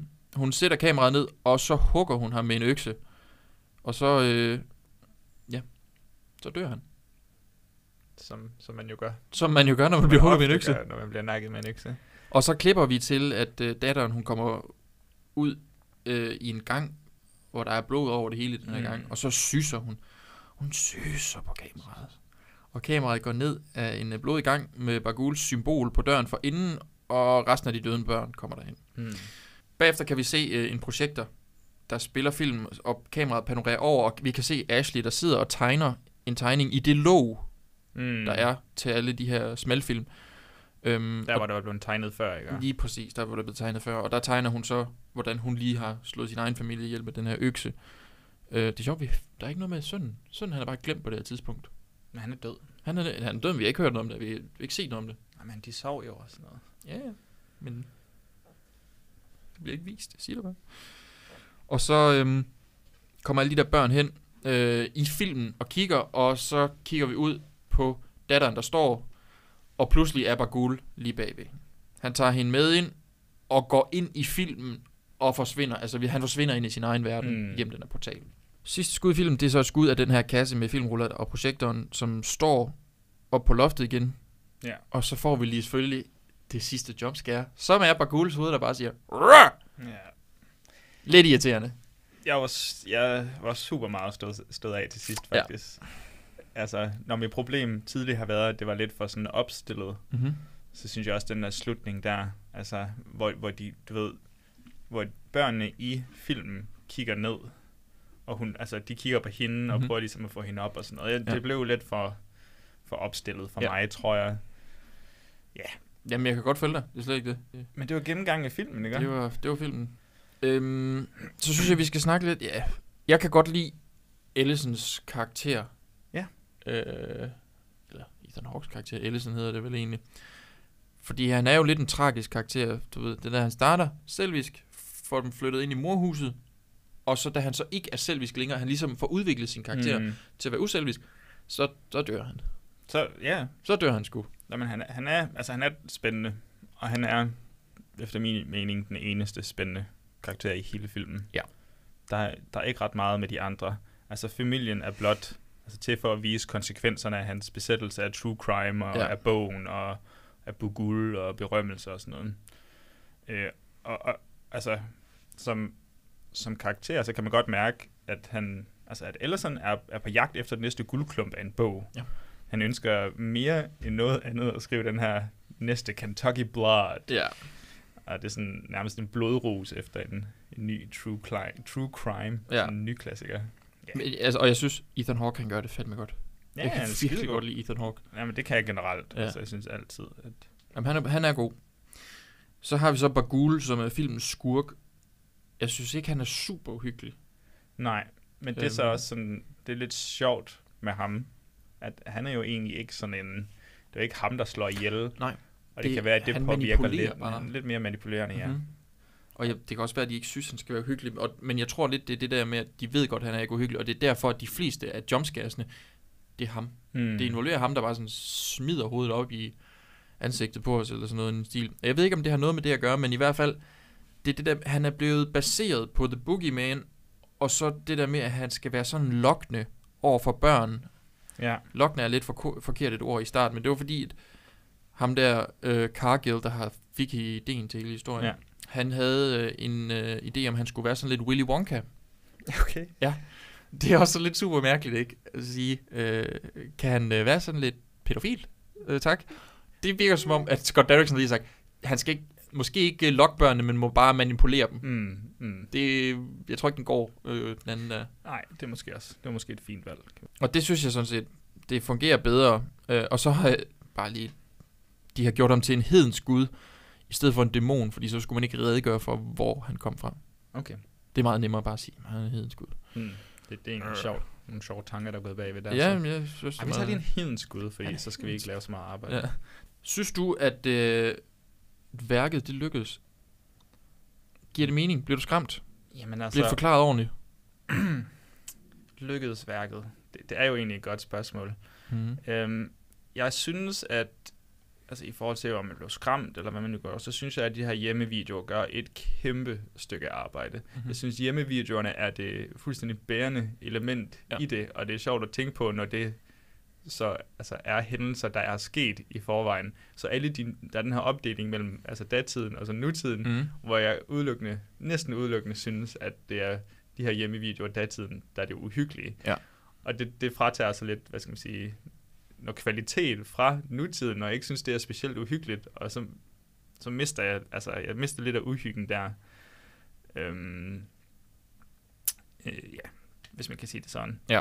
Giver den mening? Ja. Ja, jeg synes, at den giver mening. Det virker da som om... præmisser tænkt- giver den mening. Så giver den da mening, Ja. men om det så er velfungerende, det er jo et helt andet spørgsmål, kan man Det- det- sige. det hvad, der med hvad, at- hvad synes du om uhy- uhyggen? Det lyder som om, du har... Ja, jamen, altså, jeg synes faktisk, at det her hus, som de ligesom... Øh, det, det er ret uhyggeligt at være i, når han går rundt i det. det, det, det de får skabt en uhyggelig stemning. Jeg vil medgive, at hen imod anden del af Hmm. af filmen, der bliver det lidt mere fjollet, men det er også det der med, at så gør de det mere overnaturligt. Det er jo ikke Mm. overnaturligt. Altså, jeg vil faktisk sige, hvis du godt kan lide det der med filmen, har du nogensinde set 8mm med Nick Cage? Nej. Den Det- kan noget, eller hvad? Den, den kan noget, øh, vil jeg sige. Det er lang siden, jeg har set, men det, det er mere bare det, der foregår i første øh, Nå, er det del. ikke ham, der lige døde, der har lavet den? Er ikke Joel Schumacher? Joel Schumacher, er han lige død? Er det ikke det? Det ved jeg ikke. Det lyder rigtigt egentlig, at jeg Joel altså. Schumacher har lavet den. I hvert fald. Det- øhm, jeg, jeg synes, den er fin nok. Den bliver forklaret fint nok, fordi vi har professor Exposition der, der kommer hele tiden og forklarer, hvad fanden der er, der Dr. foregår. Jones, Dr. Jones. Jamen, det... Call Dr. det var, du skal ikke være i tvivl, og jeg vil sige, hvis... Altså, det er mange ting, de bliver jo skåret ud i pap for en, ikke også? Ja. Så hvis man ikke second screener, hvis ikke du sidder med din telefon, så kan du altså godt følge med i den her film. Så burde det ikke Sagtens. være så Nej, svært. sagtens. Hvis der sidder nogen derude, som ikke kunne følge med, ikke forstod det, det er der ikke noget galt i. Er der ikke? Nej, nej, det er så fint. Men Film, altså, okay. det, det, hvis man handler lytter om, efter, så man det, du får information. Ja. Det, er ikke, det er ikke fordi, der er de store plothuller i hvert fald. Nej. Det er der sikkert. Nu får vi den ene lytter, der lytter med. Han, han, han eller hun skriver en eller anden Ja. dybdegående besked. Jeg har meget faktisk udført. opdaget. Faktisk i scene 4. Øh, Der er kæmpe efter plothul. 15 minutter ind derinde, så... Ja. Øh, Skorpion, skorpioner lever faktisk slet ikke i den del af USA, så... Nej, det, ja, jeg tror, det er, jeg tror, der var en eller anden, jeg synes, jeg læste noget om, at det var enten slangerne eller skorpionerne, Nå. som ikke levede i den del af landet. Det, det, er, det er rigtigt nok, der er. Ja, ja. Men, men, men der kan man sige, når det alligevel er, at det er en afbildning af mm. Bagul, så synes jeg, det er ligesom fair nok. Ja, jeg, jeg hørte på et tidspunkt, jeg sad og undersøgte om filmen, nogen der havde en teori om, at øh, filmen det var en metafor for krisen i 2007. Den økonomiske krise, så selv hvis du flytter fra dit hus, så kommer dine problemer efter dig igen. Det er faktisk det er ikke lige det, jeg har læst den som. Hvad så? Nå, nå, nå, nå, jeg troede, du havde læst den samme teori. nej, nej, nej, nej, Ja. jeg har ikke læst filmen, som, som at have den Nej, teori. det har jeg heller Eller ikke. Altså, jeg vil øh, sige, tolkning. da jeg hørte det, så var jeg Mm. også bare sådan, what? Ja, men det er meget godt. Det er, det er sikkert sådan noget, vi kunne skrive på, i- Ja, skrive på engelsk ja, studie er eller sådan noget. Eller en psykoanalytisk... Ja. øh, Tager filmen sig selv alvorligt? Synes du det? Klæder det den at tage sig selv Jeg synes, den tager sig alvorligt? selv meget alvorligt. Ja, det bliver, bliver næsten for alvorligt Ja. til sidst. Ja, altså, den tager sig meget alvorligt, og så i takt med, at, at altså det finder jeg jo så, at, at den er meget opstillet Mhm. mm-hmm. til sidst. Især sådan, du ved, børn er der meget synkron, der gør de her ting. Ja. Jeg tror lige, der er nok det føles lidt mærkeligt, at den tager sig selv så seriøst, Ja.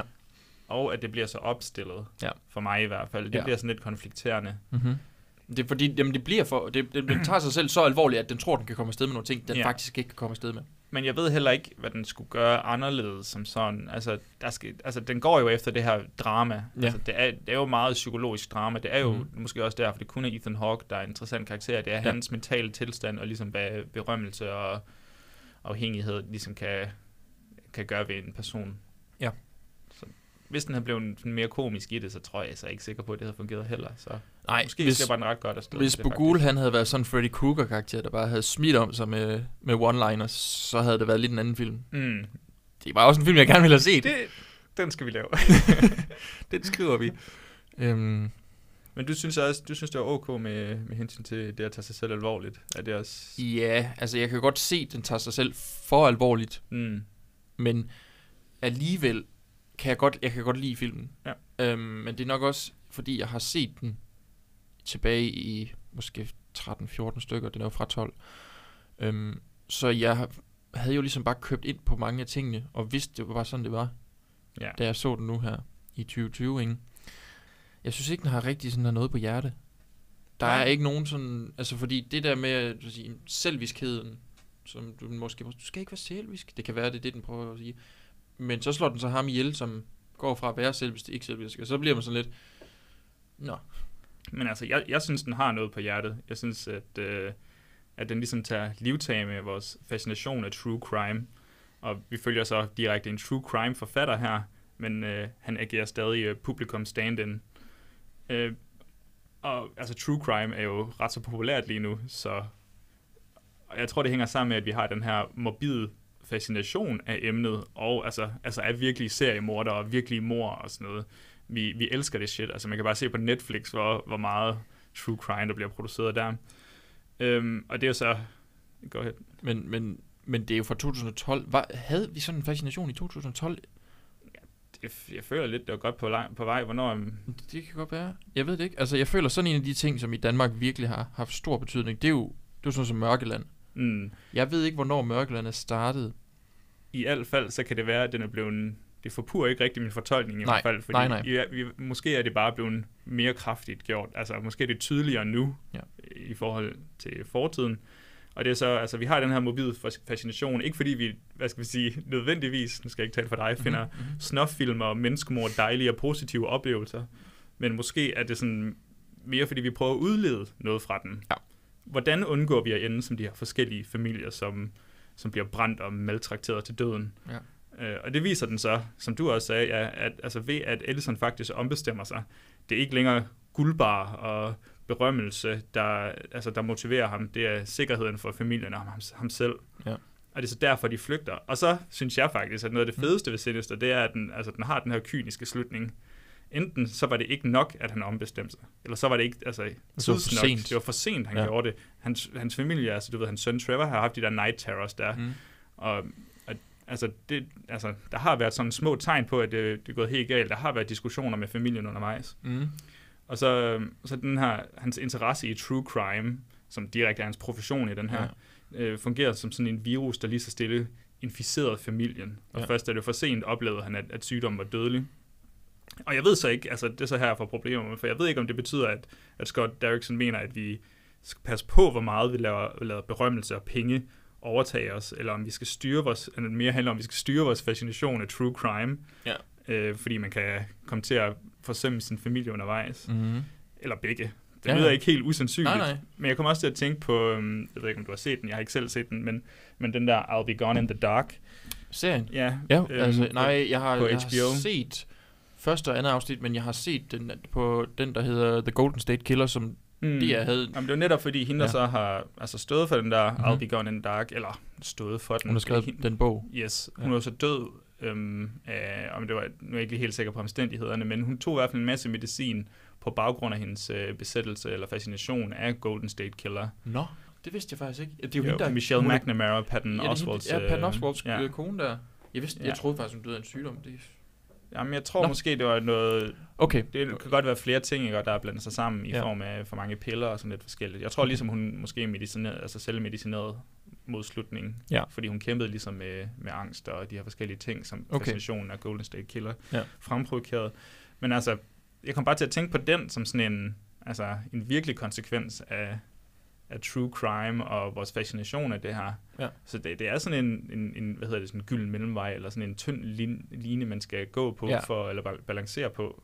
Fordi det er jo fint, hvis man kan udlede nogle, nogle, nogle life lessons Ja, ja. Fra, fra sådan en film her. Altså, lad være med at gå op til slangerne på loftet, eller Ja. I hvert fald gå væk fra dem lige i hvert fald gå væk fra de her lorteslanger. Ja. Men ja, det, det, er sådan, det er det, jeg ser den som, og det er det, den, det jeg synes, den kan gøre stærkest. Ja. Men det er jo så også sådan, hvad skal man sige, det mest realistiske i den. Det er den realistiske grobund Mhm. mm-hmm. i filmen, hvor alt det her overnaturlige, som jeg faktisk kæmper lidt med, det, synes, altså, det synes jeg ikke var specielt spændende, ej heller uhyggeligt. Så ja, ved, det den gør bedst, det er ikke sådan udelukkende fokus, hvis man kan sige det sådan. Den Ja. ja. fokuserer også på det overnaturlige, det bryder mig ikke bestemt om. Men, Nej. men det er ligesom den her, sådan det her tema, jeg ligesom kan, kan tage ud fra den. Ja, jamen jeg kan godt følge dig. Jeg synes, øh, du, det, havde, det havde jeg egentlig ikke tænkt over på den måde der, selvfølgelig. Det synes jeg er fint, du siger det. Nå, Bjørn. Ja. Det lakker mod enden. Det lakker mod enden. Det blev Vi- lidt længere podcast, end vi Ja, måske vi, har, vi har, nu har vi snakket om filmen en hel masse. Ja. Men øh, nu skal vi, vi skal også vurdere den. Ja. Vi er jo kommet med lidt, vi er jo kommet med nogle, nogle sætninger undervejs, ligesom er tilkendegivet, om vi bryder os helt vildt meget om det, eller vi bryder os lidt mindre om den, eller hvad, hvad det var. Ja. Øhm, skal, vil du lige have lov til at forklare vores øh, karaktersystem igen, så der Ja. ikke er nogen, der sidder dybt forvirret derude? Det er jo baseret på to elementer sådan set. Mm. Var det en god film? Ja. Og var det en uhyggelig film? Det er jo to spørgsmål, man som ofte stiller, når man øh, har set en gyserfilm, og det synes jeg er egentlig meget reelt, fordi de to ting, de hænger ikke nødvendigvis sammen. Nej. Jeg har set mange gode film, der ikke var uhyggelige, og mange uhyggelige film, der ikke var gode. Jeg, jeg synes, Sinister er en god film, faktisk. Det synes jeg, det er, når det kommer til alt. Øh, og så er jeg faktisk af den overbevisning, at sammen med Insidious og The Conjuring, der startede de Mm. den guldalder, vi lige nu har af gyserfilm, fordi det må vi indrømme. Ja. Altså, jeg mener, vi er, vi er på et tidspunkt, hvor Get Out vinder Manus Oscar. Ja. Altså, så er man også langt, øh, og det er også generelt set nogle gode film, bare sådan noget Hereditary, jeg synes, It Follows kommer også men jeg der. synes stadig, der er forskel på, på dem. Altså, du ved, Insidious-bølgen, Sinister-bølgen, Mhm. mm-hmm. og så, du ved, der tænker jeg, ja, The Conjuring og Annabelle og det her. Men jeg synes, Get Out, det har ligesom noget andet. Jo, men jeg føler bare, og- at den kommer så på, på, på, hvad hedder det nu, den får lov til at være, hvad den er, fordi at de tidligere film har vist, hvad gyserfilm kan. Ja. Og, og, og, og hvor stort et, et marked det også er. Ja. Øh, for Okay, jeg føler lidt, at de der nullerfilm, det er, altså, der er ikke, Jeg er ikke engang sikker på, super mange gode, altså det er sådan noget, i mit hoved, når jeg tænker nuller øh, gyserfilm, så tænker jeg jo øh, Paranormal Activity for 7. Åh, oh, ja. Og der tænker jeg jo ikke på en decideret god film, men mere en gimmick-film. Ja. Men de har til gengæld også tjent en masse penge. Det er jo- sige. og det er jo det. Måske har de en, der hjulpet med at Lige præcis. den vej også. Øhm, Men var den, var den så hyggelig, den her? i filmen er uhyggelig. Det, det, det, det vil jeg slet ikke... Øh, jeg synes, den er uhyggelig. Men, øh, men men jeg bliver også lidt træt af de der jumpscares, der kommer øh, nogle Ja. gange, som ikke altid er fortjente. Ja. Øh, og du ved, fordi der er jo en forskel på at få et chok, og på at blive bange. Du ved, mm. den Mm. bange, du ved, den er noget mere... Øh, det, det er noget, der sidder i kroppen længere tid. Ja. Og chok, det var sådan, uh, og så går der lige 10 sekunder, så er man måske mere for sig selv igen. Og så sidder jeg sgu ikke og, og er bange for, at Bagul øh, kunne dukke op Nej, bagefter. Altså, drømte ikke lige når jeg, det- jeg så Jaws som meget ung. Ja. Og jeg, jeg, hvis, hvis jeg skal et sted hen, hvor jeg skal i noget vand, og jeg ikke kan se bunden, så er det højst sandsynligt, at jeg kommer ikke ned i det vand. Jeg Fordi hader der er det. en kæmpe jeg fucking hader ideen om, at jeg ikke kan se det. Altså, det er forfærdeligt.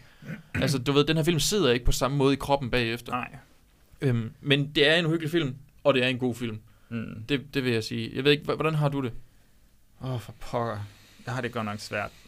Det er, her- det er her, Ja. et tal vil være langt ja, bedre. det ved jeg godt, og det er derfor, vi skal ikke have tal. Men jeg tror, øh, jeg, jeg går med, ja, det er en god film. Ja. Parentes, den var ok. Ja.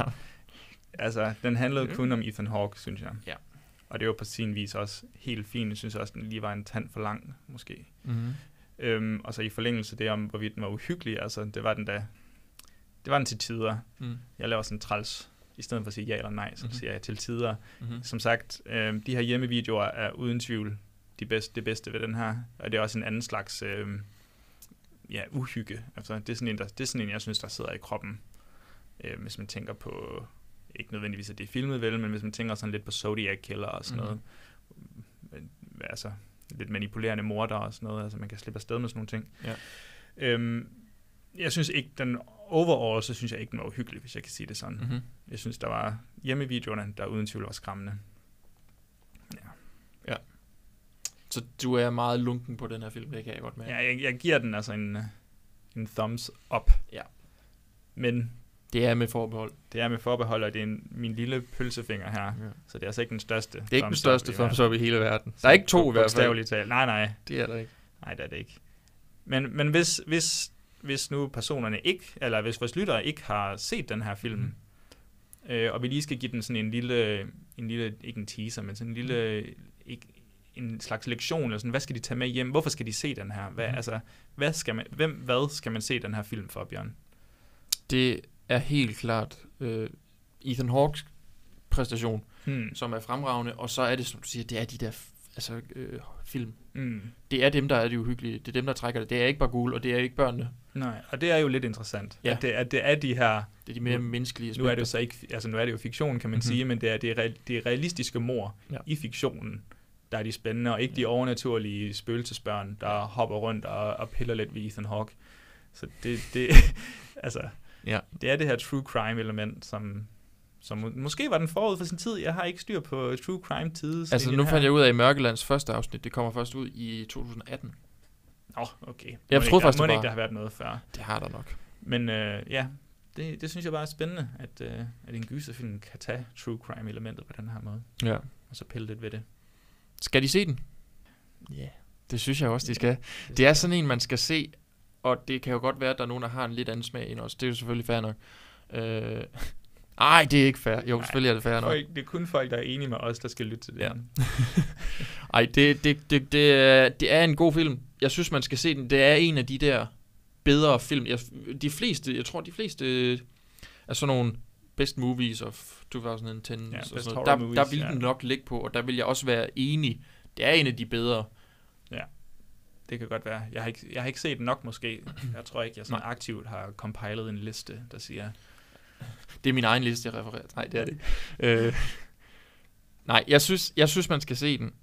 Og det, jeg synes, så er der faktisk ikke mere at sige om den. Nu Ja. har vi faktisk gennemgået alt, der er at sige om Sinister. Yes, nu skal jeg hjem og se min hjemmevideo. Ja.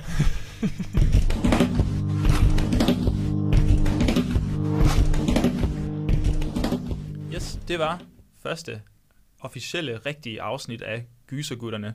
Vi kiggede på Sinister, øh, men næste uge bliver det lidt anderledes. Vi, vi skal, der kigger vi på to ting. Vi kigger på tv-serien, Netflix-serien, miniserien øh, The Haunting of Bly Manor, der er baseret på øh, Henry James' øh, The Turn of the Screw. Um, og ligeledes kigger vi så på 1961-filmen The Innocents, som, som også er, er baseret på selv samme historie, og også er en gyser-klassiker. Så skal vi se, om den kan noget i, i forhold til Mike Flanagans seneste gyser-epos. Ja, følg os på øh, Instagram. Gysergutterne underscore. Der kan I følge med på alt, hvad vi laver. Tusind tak for i dag. Vi ses næste gang. Vi ses, Bjørn. Vi ses.